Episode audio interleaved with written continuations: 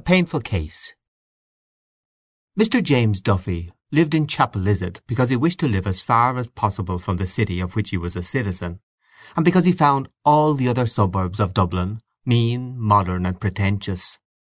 He lived in an old sombre house, and from his windows he could look into the disused distillery or upwards along the shallow river on which Dublin is built. The lofty walls of his uncarpeted room were free from pictures.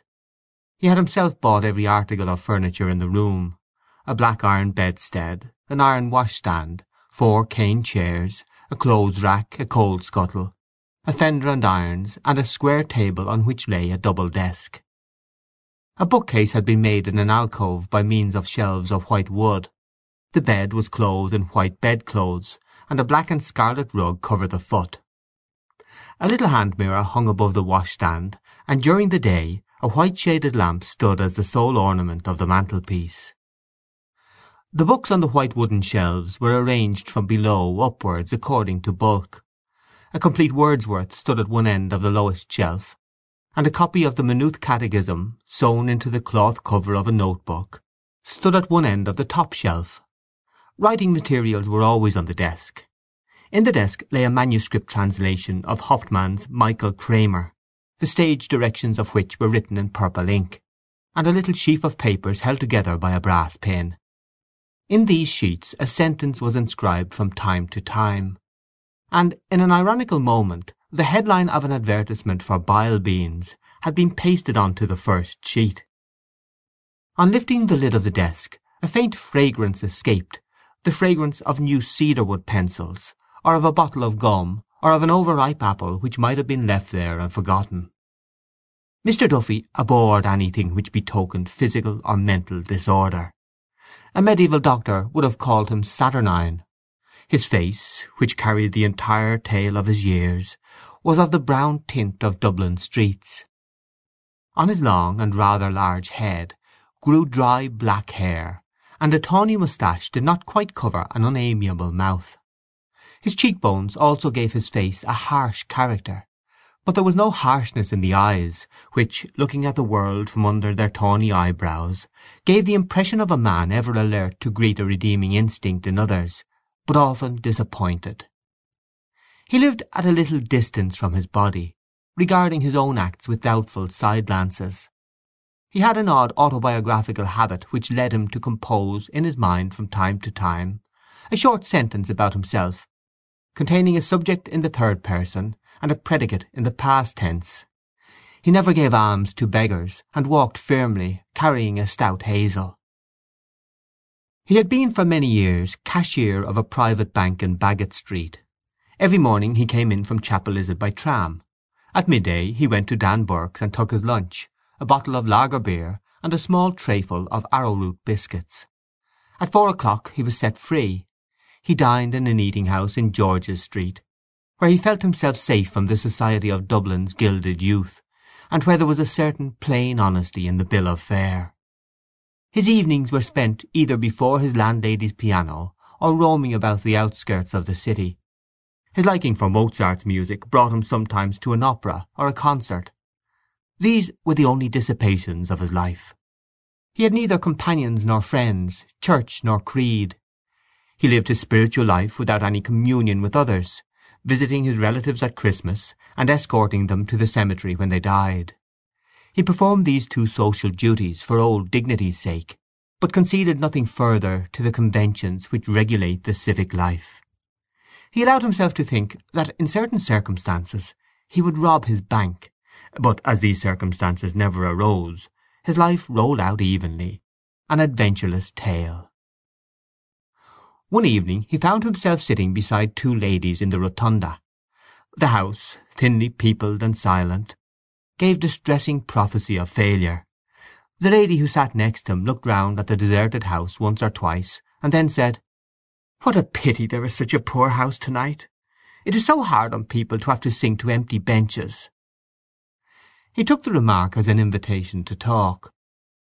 He was surprised that she seemed so little awkward. While they talked he tried to fix her permanently in his memory. When he learned that the young girl beside her was her daughter he judged her to be a year or so younger than himself. Her face, which must have been handsome, had remained intelligent. It was an oval face with strongly marked features. The eyes were very dark blue and steady. Their gaze began with a defiant note, but was confused by what seemed a deliberate swoon of the pupil into the iris, revealing for an instant a temperament of great sensibility. The pupil reasserted itself quickly. This half disclosed nature fell again under the reign of prudence, and her astrakhan jacket, moulding a bosom of a certain fulness, struck the note of defiance more definitely. He met her again a few weeks afterwards at a concert in Earlsfort Terrace, and seized the moments when her daughter's attention was diverted to become intimate. She alluded once or twice to her husband, but her tone was not such as to make the allusion a warning. Her name was Mrs. Sinico. Her husband's great-great-grandfather had come from Leghorn. Her husband was captain of a mercantile boat plying between Dublin and Holland, and they had one child. Meeting her a third time by accident, he found courage to make an appointment. She came. This was the first of many meetings. They met always in the evening, and chose the most quiet quarters for their walks together. Mr. Duffy, however, had a distaste for underhand ways, and finding that they were compelled to meet stealthily, he forced her to ask him to her house. Captain Sinico encouraged his visits, thinking that his daughter's hand was in question. He had dismissed his wife so sincerely from his gallery of pleasures that he did not suspect that anyone else would take an interest in her. As the husband was often away, and the daughter out giving music lessons, Mr. Duffy had many opportunities of enjoying the lady's society. Neither he nor she had had any such adventure before, and neither was conscious of any incongruity. Little by little he entangled his thoughts with hers. He lent her books, provided her with ideas, shared his intellectual life with her. She listened to all. Sometimes, in return for his theories, she gave out some fact of her own life. With almost maternal solicitude she urged him to let his nature open to the full. She became his confessor. He told her that for some time he had assisted at the meetings of an Irish Socialist party where he had felt himself a unique figure amidst a score of sober workmen in a garret lit by an inefficient oil lamp. When the party had divided into three sections, each under its own leader and in its own garret, he had discontinued his attendances. The workmen's discussions, he said, were too timorous. The interest they took in the question of wages was inordinate. He felt that they were hard-featured realists, and that they resented an exactitude which was the produce of a leisure not within their reach. No social revolution, he told her, would be likely to strike Dublin for some centuries. She asked him why he did not write out his thoughts. For what? He asked her with careful scorn. To compete with phrasemongers, incapable of thinking consecutively for sixty seconds? To submit himself to the criticisms of an obtuse middle class, which entrusted its morality to policemen and its fine arts to impresarios? He went often to her little cottage outside Dublin. Often they spent their evenings alone. Little by little, as their thoughts entangled, they spoke of subjects less remote. Her companionship was like a warm soil about an exotic. Many times she allowed the dark to fall upon them, refraining from lighting the lamp. The dark, discreet room, their isolation, the music that still vibrated in their ears, united them. This union exalted him, wore away the rough edges of his character, emotionalized his mental life. Sometimes he caught himself listening to the sound of his own voice. He thought that in her eyes he would ascend to an angelical stature, and as he attached the fervent nature of his companion more and more closely to him, he heard the strange impersonal voice which he recognized as his own, insisting on the soul's incurable loneliness. We cannot give ourselves, it said. We are our own.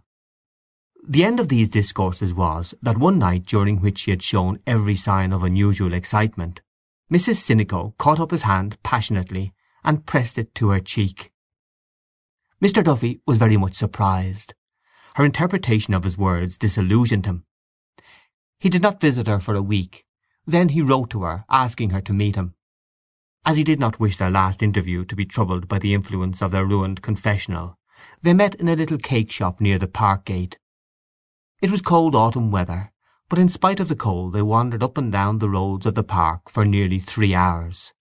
They agreed to break off their intercourse. Every bond, he said, is a bond to sorrow. When they came out of the park they walked in silence towards the tram.